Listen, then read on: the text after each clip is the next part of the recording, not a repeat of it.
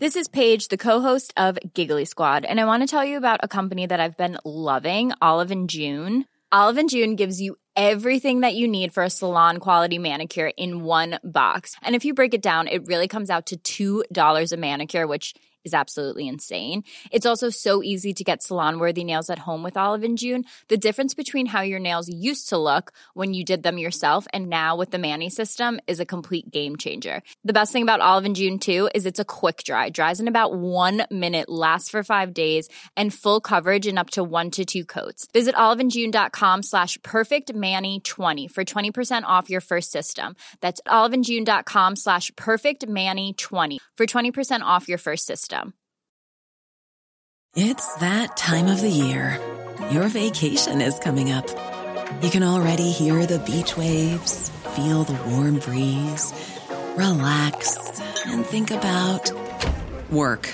You really, really want it all to work out while you're away. Monday.com gives you and the team that peace of mind. When all work is on one platform and everyone's in sync, things just flow wherever you are. Tap the banner to go to Monday.com.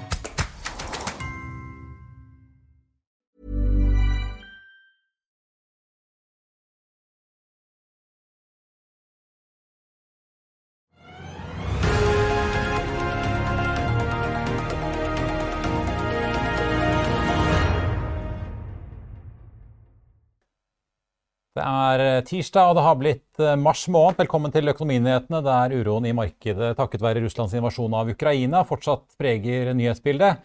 I motsetning til resten av Europa så fortsetter hovedindeksen og Oslo Børs her hjemme oppover også i dag, eh, med en oppgang på rundt 1,2% og Gjør vi opp regnskapet for februar, så steg hovedindeksen 2,3% for måneden sammenlagt altså. Rundt oss i Europa er det altså rødt i dag. Dagsindeksen i Frankfurt er ned nesten 3% og i Paris ser vi at CAC 40 er også ned rundt det samme. Helsinki sliter også med en nedgang på 3% og futuresene på Wall Street peker mot en rød start Eh, på andre siden av Atlanterhavet etter en blandet avslutning i går. Oljeprisen har jo eh, vel mye av skylden for at vi faktisk gjør det relativt bra her hjemme. Venteoljen ligger nå over 100 dollar, eh, som jo er prisnivåer vi ikke har sett siden 2014. Det skjer samtidig som OPEC starter sitt marsmøte. Spotprisen ligger nå på 103 dollar og 70 cent. Det er opp 5,7% fra i går. Den amerikanske, lettoljen har også steget til over 100 dollar fatet. Og det er første gang vi har sett siden juli 2014.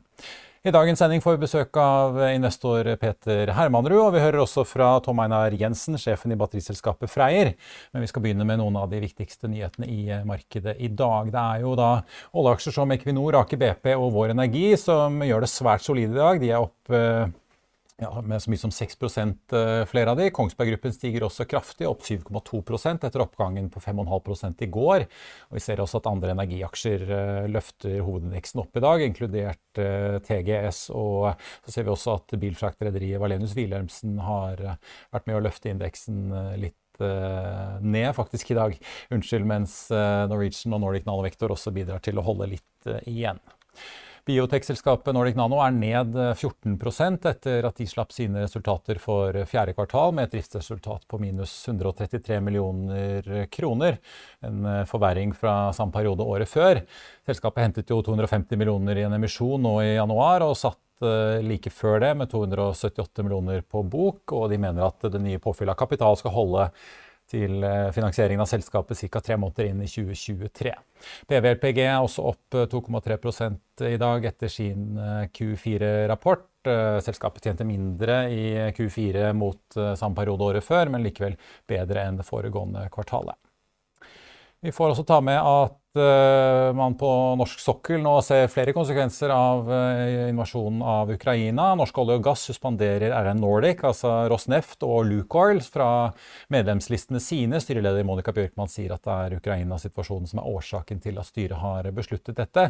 Lukoil har for øvrig meldt seg ut av organisasjonen i tillegg.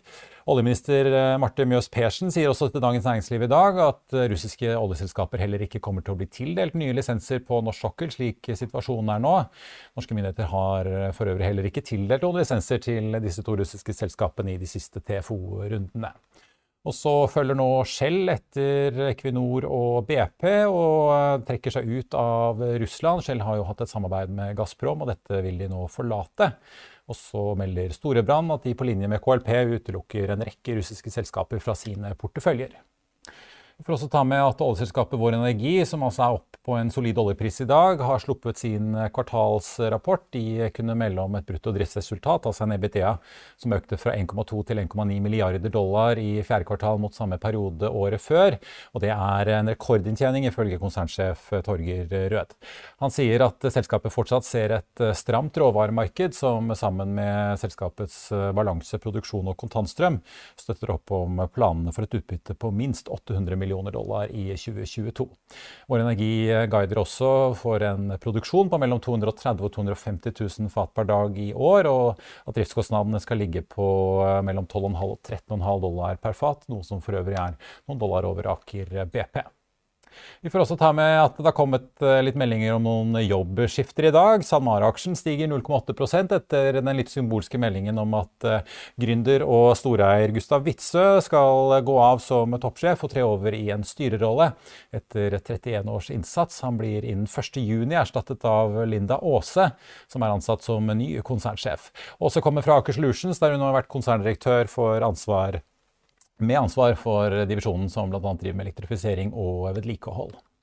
Det ble også endringer i konsernledelsen i Equinor, og vi får jo da ta en liten markering på at det nå er en som skal gå av med pensjon etter 40 år, nemlig Arne Sigve Nylund, som har vært eh, sjef for eh, norsk sokkel og sist eh, konserndirektør for prosjekter, anskaffelser og boring i Equinor.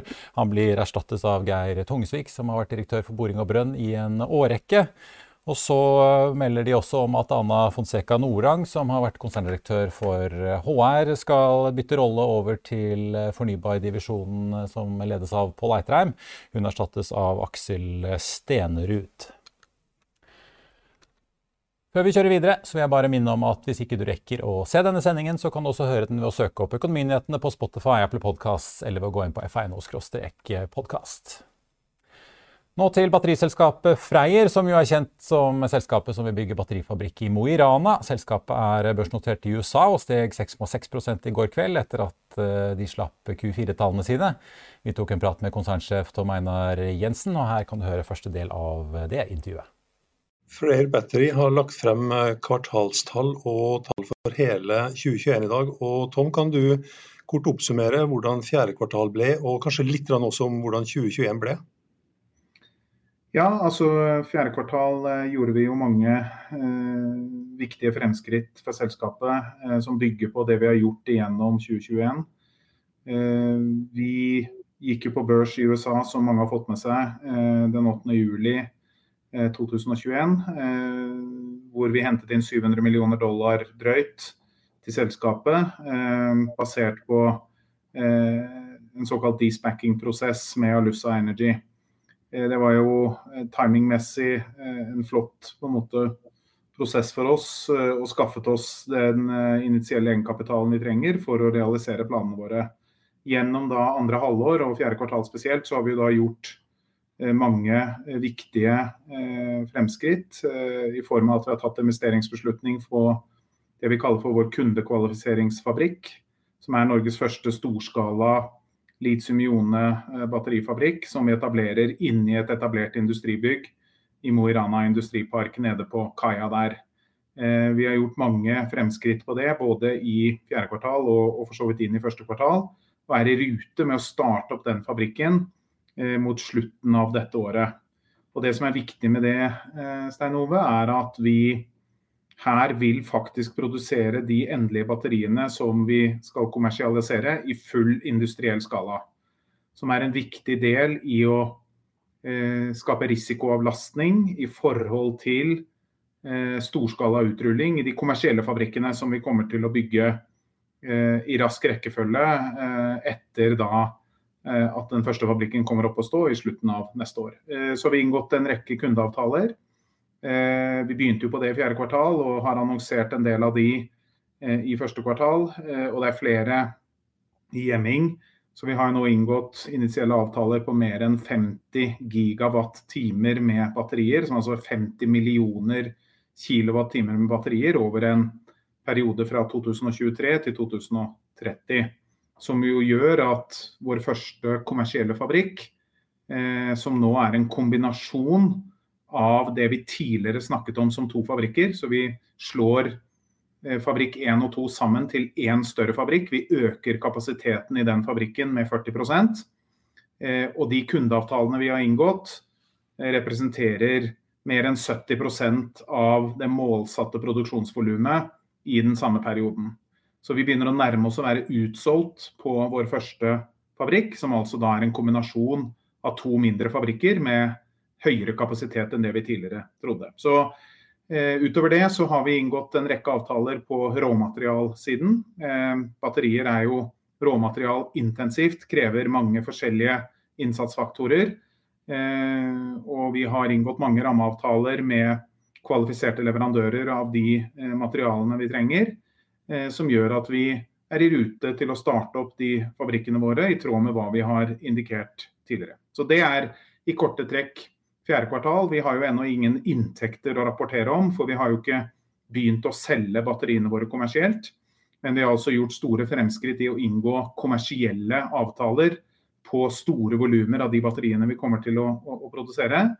Eh, samtidig med at vi da sikrer utstyr, sikrer råmaterialer, sikrer antall ansatte, sikrer energiforsyning. Alt som skal til for å bygge Norges neste industrieventyr. Noe som ikke har gått etter planen så langt? Altså, markedene er jo generelt ganske krevende eh, om dagen. Eh, jeg tror timingmessig så traff vi på vår børsintroduksjon utrolig bra. Eh, nå er det jo klart at vekstselskaper, slik som vi representerer, som har inntjening et stykke frem i tid, med mange rentehevinger på horisonten både eh, i Norge og USA og andre steder, eh, samt leveransedisrupsjoner av mikrochips og andre ting, så påvirker jo det oss relativt til hva vi trodde for over et år siden. Men vi har et veldig robust prosjektgjennomføringsteam som har planlagt dette godt, og som gjør at vi har klart å unngå de største negative implikasjonene av det vi har sett rundt oss. Eh, men det er klart at vi kunne nok ha beveget oss enda litt fortere og gått enda litt raskere frem enn det vi nå ser at vi, vi gjør, dersom dette ikke hadde inntruffet. Eh, men so far so good, som det heter. Vi, eh, vi er i gang. Vi er mer eller mindre på plan i forhold til å starte opp produksjon. Eh, vi har fått nesten åttedoblet antall ansatte gjennom fjoråret. Så vi begynner å få en rekke veldig kompetente mennesker med oss, som jo selvfølgelig er kritisk nødvendig for å kunne eh, levere på, på de ambisiøse planene vi har. Og Resten av intervjuet med Freie-sjefen kan du høre i slutten av eh, denne sendingen. Med meg i studio nå så har jeg fått Anders Pedersen Bjergård, redaksjonssjef for Finans her i FA. Og Anders, vi har fått besøk av en mann som mange i en årrekke fulgte Margusøyene gjennom sine nyttårsraketter og mange aksjeråd. Nå har han begynt for seg selv. Petter Hermanrud, velkommen til oss. Takk for det. Ja. Hvordan trives du på egen hånd? Fortsatt fornøyd med valget, eller? Helt fantastisk gøy. Ja. Deilig å ikke ha ansjefen selv. Nei. Du, eh, Anders, vi har, som eh, ivrige lesere av FA har sett, så har jo en kollega av oss snakket med Herman Ruff ikke så veldig lenge siden, eh, da disse urolighetene i Ukraina begynte. Ja. Mm. Eh, og Du påpekte jo at krig er jo veldig kynisk sagt en god kjøpsmulighet. Rett og slett for man får kjøpt eh, mye bra aksjer til eh, rabatt. Ja. Ja. Hvordan, hvordan, tenker du på det nå? altså Punkt nummer én historisk har det jo vært stort sett vært riktig. altså I forkant av krigsutbrudd så faller kursene, og så pleier det ofte å bunne rundt krigsutbruddet. sant? Og så sa jeg hele tiden, har sagt hele tiden at det kommer an på selve krigen. blir glemt. Altså, Selve krigen og den konflikten blir glemt på en eller annen måte uansett.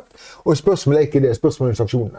Altså Spørsmålet om sanksjonene kan ramme ved økonomisk vekst i verden. Og de sanksjonene som først og fremst eventuelt kan ramme, hvis det noe rammer energisystemet. Ja.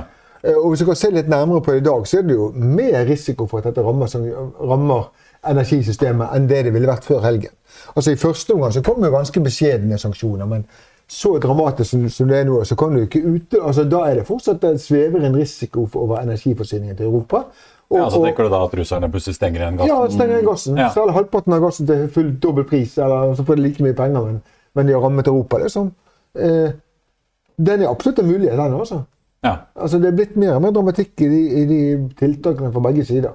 Og, og, og jo mer sånne tiltak det er, jo mer kan du ramme økonomien litt alvorlig. Har markedet prisa inn, eh, prisa inn det, eller er det På kort sikt så har de jo priset inn mye, altså det har falt mye ned, med unntak av oljeaksjene. På lang sikt så har de jo altså, og det har jeg sagt hele tiden også, sant? altså Timingmessig er det vanligvis riktig å gå inn her. Samtidig så må vi huske på at markedet er altså det er noen ting. Inntjeningen er rekordhøy, altså supergod i forhold til normalt i selskapene. Rentene er rekordlave, og prisingen er superhøy. Aksjer. Så, så bakteppet er jo ikke noe vakkert her. Og Nei, det er, det. Equinor er opp nesten 7 så jeg, jeg har ligget med 20 cash, som er helt unormalt for meg å være hele tiden nå. Fordi at bakteppe er så dårlig. Ja, hvor lenge, har du gjort det helt fra start til du, fra du begynte, eller Ja, ja, har du liksom ja. tatt ut noe i det siste? Nei, det har jeg ligget med i ja, en stund. Når skyter du av det kruttet?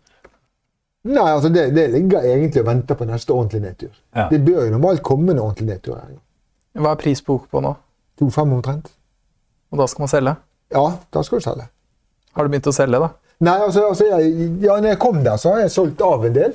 Og så er det bare at det er to, ting, to hensyn du må ta. Det ene er at, at det er uvanlig dårlig risky reward nå pga. at det er dyrt. Og samtidig så må du huske at du må passe deg for Du kan ikke bare hver gang du syns det er et eller annet som er galt, selge aksjene dine. Sant? For det stort sett lønner det seg å ha aksjer. For de aller fleste så er det beste sparerådet å bare ha pengene i aksjer fordi det lønner seg.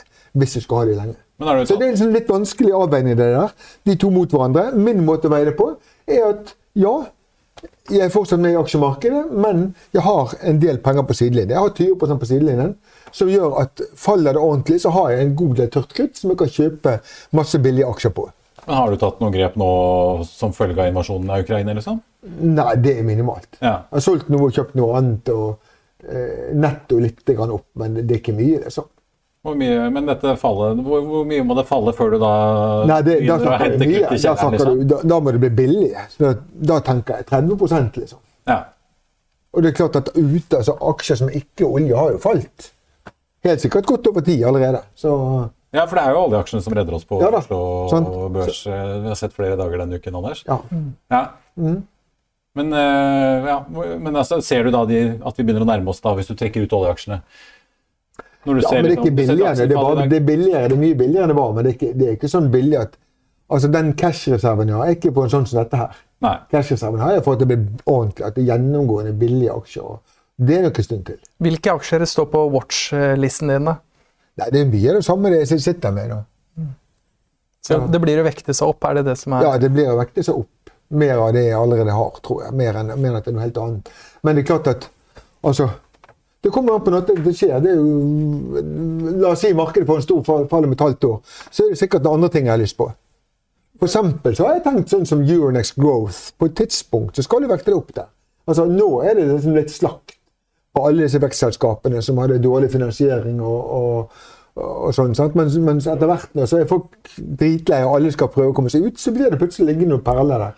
Hvor, hvor, ikke, hvor folk skal ut allikevel. Men tror du nå så vi jo, øh, ikke bare i går, men vi har sett det litt, da, den der, øh, det er kanskje troen på at EU klarer seg mer selv energimessig Ja. fra Russland. så vi så jo, altså I går var det jo Skatek, Aker Offshore Wind steg jo kraftig. Ja, altså, til tross for at de har, aksjer i til tross for at de har 6 rundt av inntektene i Ukraina, faktisk. Ja, ja. Eh, Men, men, er Men, men tror du liksom at det. dette kan være en trigger for de der grønne Euronext energiaksjene? Ja, det, det er det. Altså, spørsmålet er om, bare om, om, om, om kursene allikevel er for høye.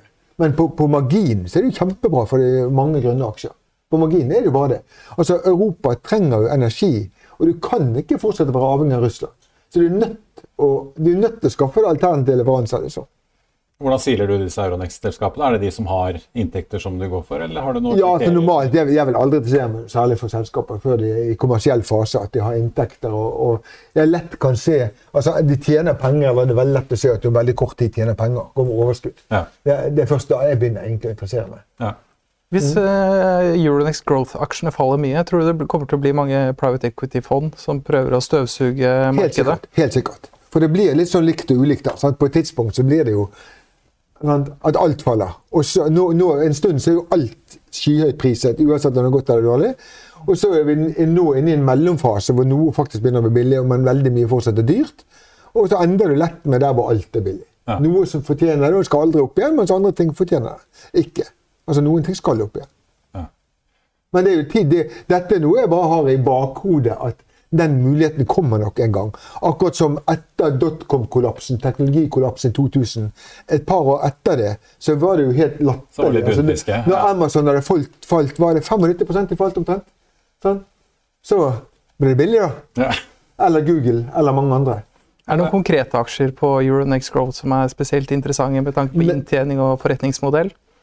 Nei, det, det er litt for tidlig ennå. Altså. Det er litt for tidlig å si, for det kommer så mye an på prising også. Men går det liksom for en sånn kurve av selskapet for å Det kan, det kan bli det. Det kan bli Men, men, men eh, Foreløpig er det bare noen sånt altså, Det er akkurat som på, med grønne aksjer på vei opp. Det er lenge sa jeg sa jeg årevis at det er et tidspunkt så skal du begynne å shorte dette. Ja, ja. For at dette er en boble, det kommer til å smelle en gang. Eh, Men, og nå er det motsatt. Nå har det smelt, og så sitter jeg bare og venter til det helt åpenbart. Altså Når du har vært ute i høyre grøftekant og kommer ut på veien igjen, så raser du alltid ut i andre grøftekanten etterpå. Men eh, Petter snakket jo i høst om to aksjer, eh, bilslakteriet Valenius Wilhelmsen og et svensk eh, selskap. Nilørn. Ja. Godt som en kule. Ja. Hvor, har du solgt de unna? Har du tatt gevinst? Eller? Nei.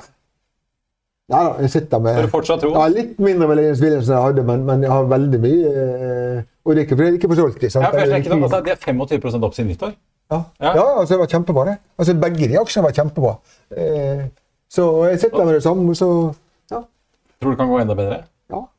Hva er, Altså- hva er investeringscase i Nilørn-gruppen? I Nilørn-gruppen er bare et, et kjempebra selskap som har levert kjempegod lønnsomhet i ti år. Jevnt god vekst hele tiden, og priset som det er en dog. Gamle Egentlig. svensk emballasje. eh. Ja, det, det, det, det, det, må, det er klær. Ja, ja. Det er så usexy som det kan bli, men det er faktisk Bread and 1,5 butter.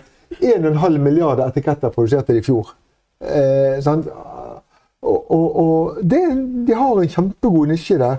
Fantastisk direkteavkastning, altså utbytte på det er vel 6 men det kommer helt sikkert til å øke videre hvis ikke de gjør noe oppkjøp. For, for liksom veldig, veldig billig altså PE på Selv på det de tjente i fjor, i 2011, så er det vel eh, Hva er det da? sant? 11 ganger noe sånt som det? Ja. Altså, sant? Skikkelig lavt priset, kjempegodt selskap. Det er jo ikke sånn supersexy at det tar fullstendig av, men, men Det har gått 10 siden nyttår. Ja, ja, men det er 70 helt- det er siste året. Ja. det, altså. Ja. Men får du solgt de aksjene da? Den dagen den tid Ja, kommer? ja, ja. Sant, det er ikke så likvid. Altså, det er forskjell på Nilørn og Valenius Wilhelmsen kan jo selge alt det har på en dag en eller to. Det sånn, sant? Mens, mens kan, kunne tatt litt lengre tid. Men eh, Nilørn er jo kjempestabilt også, så det er ikke noen grunn til å tro at det skal bli noe veldig behov for å selge seg ut der.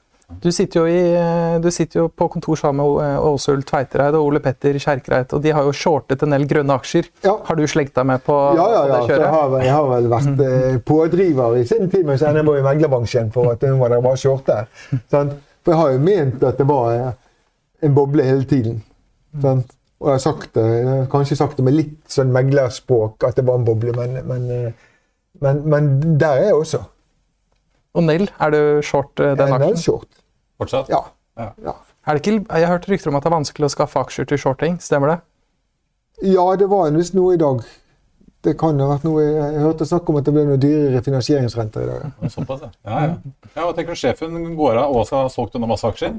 Ja, alt på Er det det faretegnet du ser, eller er det liksom i selve virksomheten? Nei, altså det er jo, det er jo ikke et Nell er så håpløst selskap. Det er ikke der. Det er bare det, det priset eh, det er sånn er forferdelig vanskelig å igjen prisingen. Altså selv, selv i et ferdig utviklet, kjempesatt hydrogenmarked altså Det er jo en liten nisje de opererer med, og det er en nisje hvor det blir masse konkurranse. Vi ser allerede konkurrentene strømmer på, og alle bygger ut masse kapasitet. Sånn Jeg tror det blir Norges svar på Tesla, holdt jeg på å si. Vanskelig å regne igjen. Det er litt sånn Norges svar på Tesla. Ja, det er Norges svar på Tesla. sant? Altså, men Tesla er i hvert fall litt unik og, og, og, og en suksesshistorie. Nell er vel egentlig ikke det heller.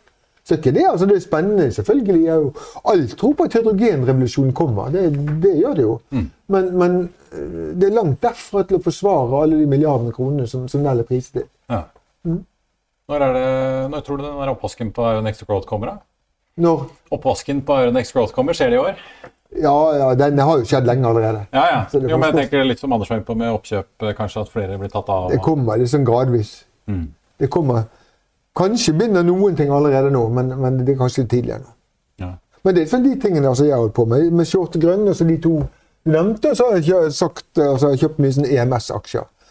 elektronisk, eh, Electronic Manufacturing Services. Og da er det Kitron og, og Note. Note, og jeg er faktisk mest nå i noe som heter Incap i Finland. Hva driver de med? De gjør ak- veldig likt Kitron og Note, men de har i hvert fall en enda bedre record. Altså de har, de har, tjent, de har vært mer lønnsomme, høyere vekst, de har vokst raskere, de har bedre marginer, eh, og de er priset lavere. Ja. Så det, de er omtrent like store som de andre. Og avkastningen mot eh, Note. Har den vært bedre? Fenomenal. Har vært. Og som vi satser på at det skal være også. Det hadde vært selvfølgelig, altså hvis du, Jeg tror i fjor så hadde de vekst i omsetning på 60% og jeg antar at resultatet vokste med 80 dager og sånne ting. Sant? Altså, det blir jo penger og sånt. Ja. Men det er en veldig, veldig, veldig kraftig trend nå mot øh, flere ting. Det blir mer elektronikk i alle produkter. Sant? Altså De som produserer elektronikken. Liksom, sant? Det blir mer og mer elektronikk rundt omkring. Eh, mye av den tingen har gjort i Kina, nå vil vi ha elektronikkproduksjon nærmere der har den andre produksjonen. Du tør ikke å ha det for lenge for langt unna lenger. Og det blir enda mer aktualisert med Ukraina og alt det der. Så du, du hjemsourcer, du outsourcer. altså eh, Før så drev selskapene selv og produserte elektronikken. Nå er det veldig mye mer at du bare lar, lar spesialister ta den delen av det. Så, så det er et veldig raskt voksende marked. Og her i Norden så har vi jo utrolig mye sånne startups, grønne startups som driver veldig mye nå. Så egentlig så mange av disse aksjene, sånn som Incap, er en grønn aksje. hvor De sier at 80 av kundene er så grønne green tech. Så, Har du et nordisk eh, fokus? ja, som du hører, så har jeg jo den nå fokus. ikke, ikke noe USA eller Nei, nei, nei, nei, nei. Mest Norge fordi det er det jeg kan best, men gradvis eh, så finner jeg noen aksjer her og der i, i Sverige. Og, altså Foreløpig er det Sverige og Finland. da. Men er det fordi de har, altså, de har falt ganske mye siste uken? Ja, nei, det er mer fordi det, det er selskapsbasis. Så Ja. bare finner et selskap, så er det ikke så langt unna oss at jeg ikke kan lære meg noe finsk. altså. Selv om jeg satt eh, se hele forrige helg og oversatte finske eh, Nå det, men du sitter- kommentarfelt Men du sitter ikke i. Finn der, håper jeg? Hva? Du sitter ikke i Finn der, håper jeg? Etter det kraftutfallet de hadde? Nei. Nei, det gjør jeg ikke. Nei, Jeg har bare én finsk aksje, og så har jeg vel noen få svenske. Så bra. Sitter du i europris nå? Ja, Den er litt sur. Ja, den har vært litt sur, men det går nå opp og ned. Jeg tror ikke egentlig at, at Jeg så Carnegie hadde en salgsanbefaling og uh, de om det, sant? men det har jo ikke skjedd noe veldig operasjonelt. Altså, det er ikke noen bombe for meg. Altså, det er ikke sånn at jeg plutselig får sjokk over at svenskehandelen tar seg opp igjen når, når covid er over. Altså, den har jo alle som har kjøpt Europris vært klar over i og for seg, selv om de poengterer det nå. Så, så det er mye eh, altså, Jeg har jo visst om det hele tiden. så... Men ser du noen grunn til sånn som ja, Det er heller, altså, Europris er veldig mye nærmere for meg å kjøpe enn å selge. Men sånn som Europris, Orkla har jo heller ikke gjort så bra i det siste. Mm. Man skulle jo tro at når det er usikkert at disse litt mer defensive aksjene kanskje gjorde det litt bedre. Ja. Har du, Ja, noen forklaring på hvorfor de ikke gjør det? Altså Telenor Ja, altså, sånn, altså- mange av disse er litt sånn altså Det er mye med det at, det at omikron er over. Iallfall én ting som åpenbart har noe å si. For Når jeg ser hva folk sier om Europris, i hvert fall, så vil jeg tro at det har litt med saken å gjøre. For at de har, altså Europris har tjent på at, at du ikke handler, driver med svenskehandel. Det er ganske åpenbart at det har vært en effekt. Eh, Orkla de, altså, de, Defensive aksjer, det Ulempen med defensive aksjer er at de ofte er rentesensitive. Altså, Orkla er jo det er veldig forutsigbart hva de skal tjene veldig langt inn i fremtiden. Sant? Det er veldig stabilt. Og hvis du da diskonterer den kontantstrømmen med, lav, med høyere rente, så får du lavere verdi. Ja. Så det er ikke noe sånn Så jeg hadde Orkla en stund, men det er en stund siden jeg solgte meg ut av det.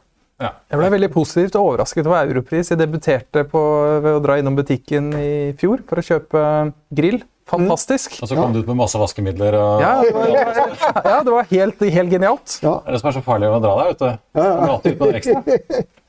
ja da.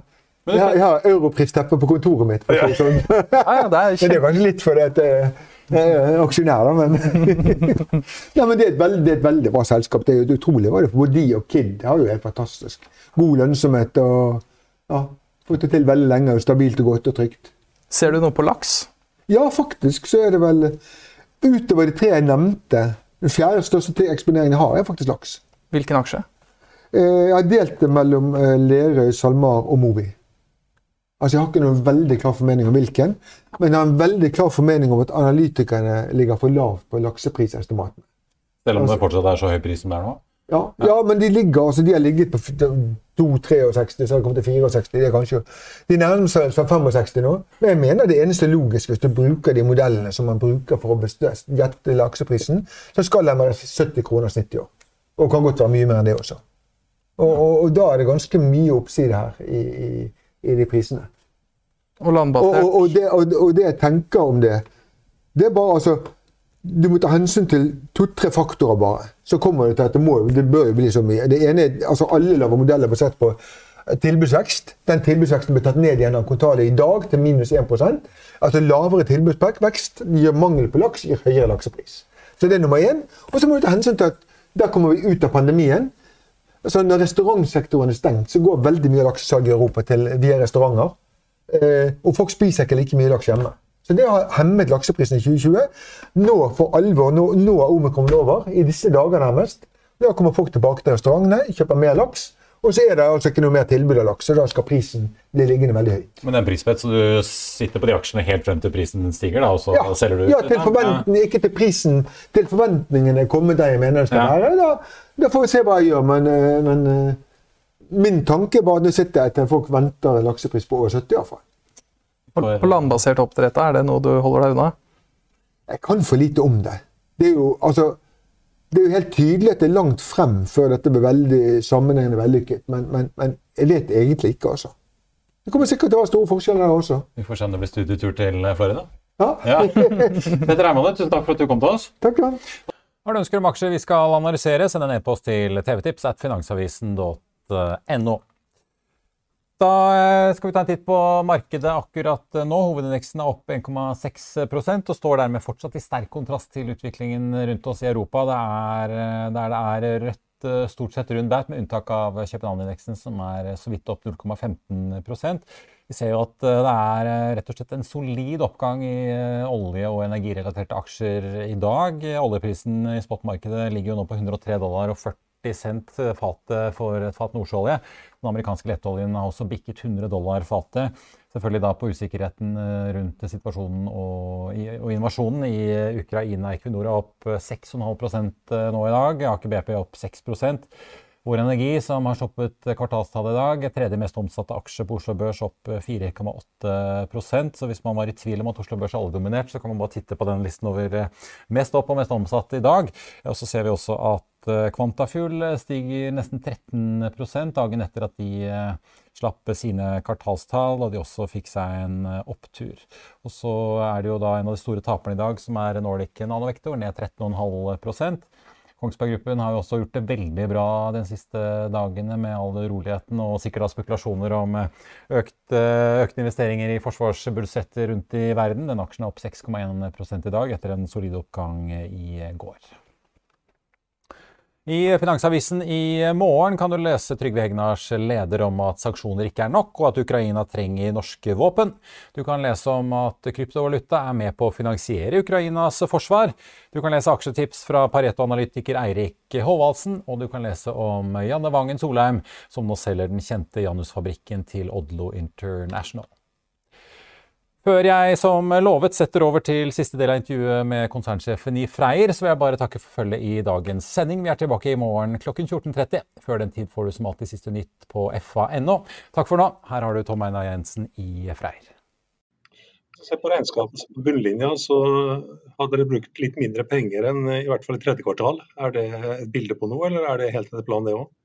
Ja, det er også noenlunde etter planen. Dette går jo litt eh, i tråd med hva vi kan kapitalisere som investeringsutgifter, og, og hva vi må utgiftsføre som, som, kostnader. Eh, men det er klart at den underliggende aktiviteten eh, øker kraftig. Og den kommer til å fortsette å øke, men vi prøver jo å være restriktive på bruk av våre midler inntil vi har de ferdige avtalene på på kjøpssiden og på råmaterialsiden på plass. Så eh, man bør forvente at vi er eh, disiplinerte på kapitalbruk. Unnskyld. Eh, eh, og det mener jeg at fjerde kvartal er et, et representativt eh, på en måte eh, bevis på. men når det er sagt, så, så er det underliggende vekst i aktiviteten. Du sier at dere har solgt 70 av eh, den planlagte produksjonen. og Hvilket tidsrom snakker vi om da? Eh, vi kommer til å eh, skalere opp kapasiteten og produksjonen gradvis i våre første kommersielle fabrikker, som altså da er en kombinasjon av det vi tidligere kalte for to fabrikker inn i en større fabrikk, med økt kapasitet på rundt 40% økning. Eh, vi kommer til å da gradvis installere flere og flere produksjonslinjer inn i eh, denne kombinerte fabrikken. Åtte produksjonslinjer totalt. Eh, og, de kundeavtalene vi nå har inngått, og det er mange flere i, i emming, for å si det sånn, utgjør da mer enn 70% av volumet frem til 2028. Vi kommer til å gradvis starte opp og, og øke den produksjonen kraftig gjennom første halvår i 2024. Men vi kommer til å ta den investeringsbeslutningen på denne fabrikken allerede eh, i løpet av eh, det halvåret vi er inne i nå. Eh, og så vil vi gjøre alt vi kan for å skynde oss så mye som mulig. Men igjen da tilbake til spørsmålet ditt om hvilke utfordringer vi har møtt, så er det jo klart at inflasjonspress, forsyningssikkerhet av kritiske si, innsatsfaktorer både til maskiner og, og, og råmaterialer, er ting som vi jobber med hver dag. Eh, men, eh, men, vi har gode relasjoner med våre leverandører. Eh, vi har bygget det opp på en sterk industriell måte, basert på norsk industrierfaring, som jo bredden i vårt team er hentet fra. Så alt i alt så, så ser det ganske lovende ut. Det er vel på en måte hovedbudskapet. Stein Ove det salget som da er gjort, hvilke deler av markedet er det som dekkes her? Er det bil, eller er det industri, eller er det, er det transport? Er det store batterier, eller? Dette er eh, såkalte energilagringssystemer. Eh, så store eh, containere, om du vil, som lagrer sol og lagrer vindenergi. Og gir det jeg kaller for stressavlastning til Eh, kraftnettverk rundt omkring som får mer og mer fornybar energi inn i seg. Som du sikkert vet, så er veldig mange av kraftverkene rundt omkring i verden basert på en helt annen strømforsyning enn den en fornybar strømforsyning vil eh, representere.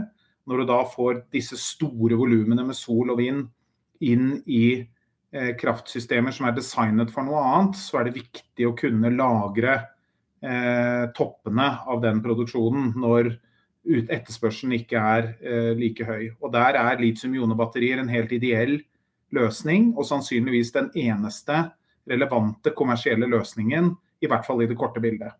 Eh, og Det ser veldig mange av aktørene i dette markedet, både i USA spesielt, men også i Europa. Eh, så vi har jo en tyvetalls diskusjoner og, og forhandlinger pågående med store internasjonale aktører sånn som f.eks. Honeywell, som vi har annonsert, men også en rekke andre som vi kommer til å annonsere på løpende bånd. Eh, så, så, energilagring gjennom litium-ionebatterier, som de vi produserer, kommer til å være et veldig stort marked. Når det er sagt, så har vi også en veldig stor interesse fra både kommersielle kjøretøy og elektriske bilprodusenter. Alt fra de store veletablerte eh, elektrisk bilprodusenter til eh, nyere på en måte oppstartsselskaper som har lyst til å ta del i dette bildet. Og vi skal produsere batterier til alle markedssegmenter. Og ikke bare i Norge, eh, men først og fremst i Norge nå, i Mo i Rana. Men så vil vi da utvide både i USA og i Finland. I tillegg til at vi ønsker å inngå partnerskap og, og samarbeid med råmaterialleverandører, som også har en veldig stor interesse av å komme til Norge for å etablere produksjon av katodemateriale og anodemateriale og andre innsatsfaktorer for, for batteriproduksjon. Fordi Norge er et land med i hvert fall foreløpig en viss overskudd av fornybar energi, i hvert fall enkelte regioner, som også er relativt sett kostnadseffektivt sammenlignet med de fleste andre steder hvor man ønsker å etablere den samme type industri. Så, eh, så, alt i alt så er det mange ting som, som skal skje fremover. og eh, Fjerdekvartalspresentasjonen er en, en løypemelding på hvor vi står i den sammenhengen. Og, og, og vi er, eh, ser optimistiske på fremtiden. Ja, Energiprisene har jo vært uh, høye for mange. Hvordan ser du på den utviklingen? Hvordan vil det berøre dere fremover, tror du?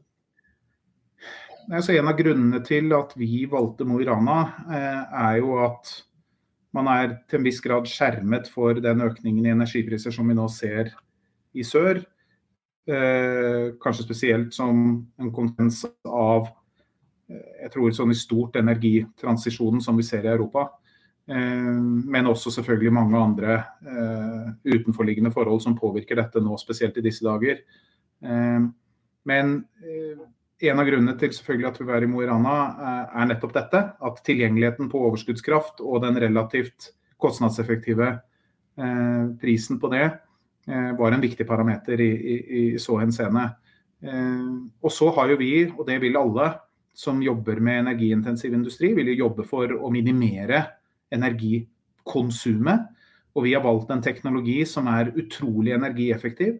Så vi bruker nok mye mindre energi enn konvensjonell batteriproduksjon gjør. Eh, I hovedsak fordi at vi har redusert antall produksjonssteg og mengden tørking som man krever i normal batteriproduksjon, den er nesten eliminert med måten vi produserer våre batterier på. Og Det gjør at energiforbruket går ned, som jo selvfølgelig er viktig isolert sett, eh, men som også da gjør at vi eh, kan leve i et mer krevende midlertidig energibilde inntil vi får etablert nok ny fornybar energiforsyning eh, som kan støtte opp under den omleggingen til en mer energiintensiv industrimiks i, i Norge over tid. Det er vel kanskje ikke fortrinn som du vil ha i Finland, og i hvert fall ikke i USA, kanskje? Ja, det skal du ikke være helt sikker på. Eh, når vi nå er godt i gang med å velge ut hvor vi har tenkt å produsere batterier i USA, så er det overraskende mange steder hvor eh, tilgjengelighet av nok fornybar, konkurransedyktig energi er til stede. Og Det som er litt spesielt med det i USA, er at vi kan da potensielt kombinere det for det er jo mye sol og vind som man snakker om her, med mindre du er mer i, nord, eh, i nordlige deler, hvor det også er en god del eh, vannkraft. Men, men, i de sydlige stedene så er det da kombinasjon av sol og vind som er da såkalt motkorrelerte, eh, som betyr at eh, du trenger mindre lagring da enn du ville gjort i en bare solrik region enn i en bare vindrik region. Og det gjør at du kan se for deg kobling mellom sol og vind og batterilagring som en helhetlig energimiks inn i en eh, energiintensiv industri som batterier. Og de kostnadsnivåene som vi ser på dette, er slett ikke eh, avskrekkende. Snarere tvert imot. Eh, fornybar energi, hvor det er mye vind og sol, har allerede i dag en veldig konkurransedyktig kostnad. Eh, og Derfor kan du se for deg at du får mye energiintensiv industriutvikling i områder hvor eh, fornybar energi eh, er mulig å, å, utvikle. Og Derfor så tror jeg også fra et norsk perspektiv, og for så vidt fra et finsk perspektiv, at du vil se veldig mye utvikling av denne typen. Men det må gå hånd i hånd med ny fornybar energiutvikling. Og, og, da er signalene fra myndighetene både i Norge og Finland positive, men jeg tror vi må gjøre mye mer enn enn det, enn det, som er signalisert til nå. Men det er en, det er en start, og, og, la oss bygge videre på det. Og bygge mer offshore vind, og, og for så vidt mer eh, landbasert vind der hvor det eh, er eh, lokalsamfunnsmessig akseptert. Litt om kapitalsituasjonen og de eh, investeringene som kommer fremover nå i år og neste år? Ja, vi har jo en, eh, en sterk, et sterkt utgangspunkt gjennom at vi hentet inn 700 eh, millioner dollar eh, gjennom børsintroduksjonen vår i fjor. Det gir oss en plattform eh, som vi kan vokse fra. Vi jobber jo nå med å komplettere den kapitalbasen med fremmedkapital. Så forskjellige former for prosjektfinansiering og eller grønne obligasjoner og eller forskjellige tilskuddsordninger som kan være relevante.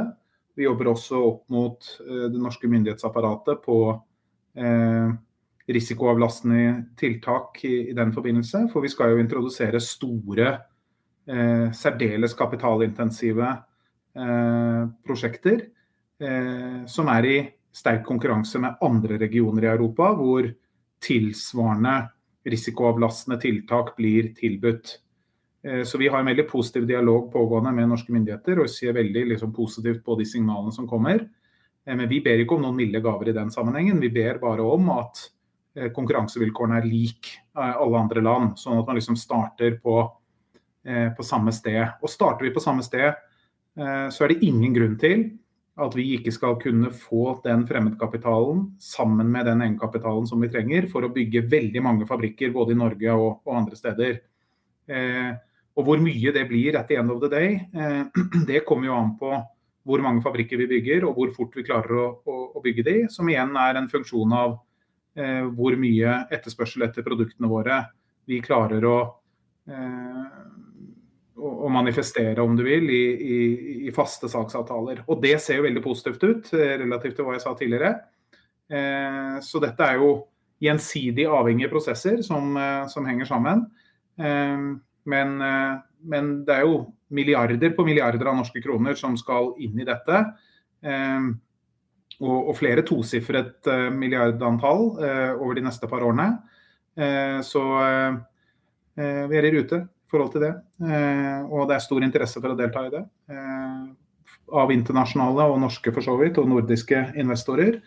Eh, men, men det må være en helhetlig approach til det, inklusive risikooverlastende tiltak fra, fra norske myndigheter.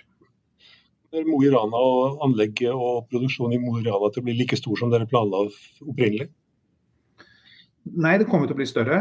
Eh, som, som, vi jo skisserte i dag. Eh, altså mer kapasitet, men kanskje mindre fotavtrykk. Eh, det må jo være positivt, tenker vi. Eh, at hvis vi kan produsere mer på mindre, eh, så må det være bra. Og hvis vi kan bruke mindre energi på å produsere mer batterier, så må det også være bra. Eh, men vi tror også at vi kommer til å trenge litt færre ansatte enn det vi trodde initiert.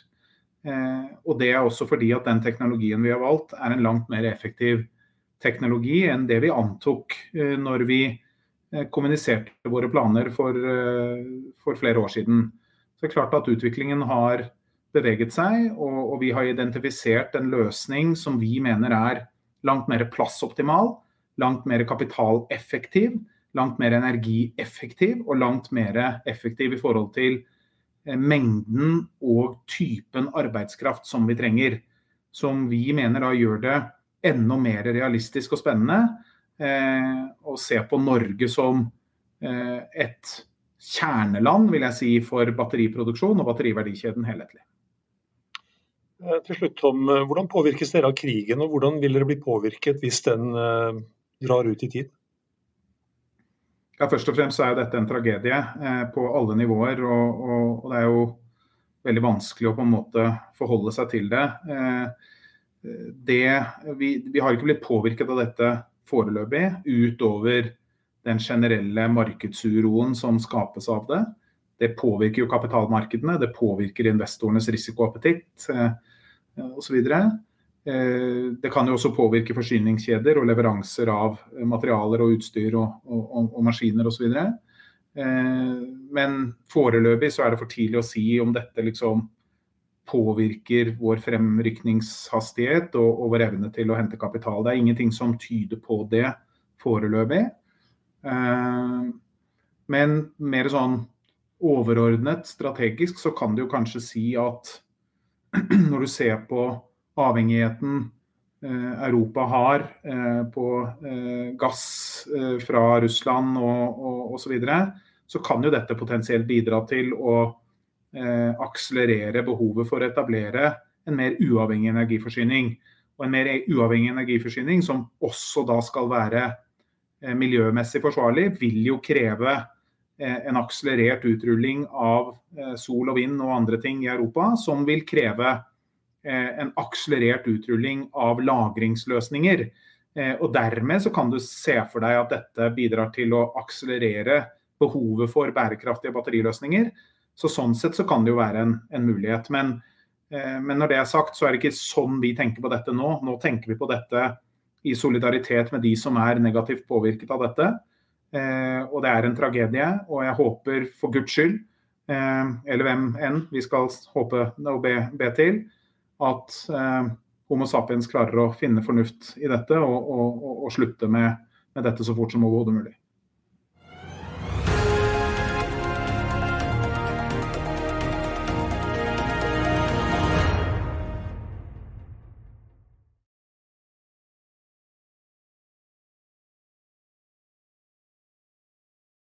Økonominyhetene er en podkast fra Finansavisen. Programledere er Marius Lorentzen, Stein Ove Haugen og Benedikte Storm Bamvik. Produsenter er Lars Brenden Skram og Bashar Johar.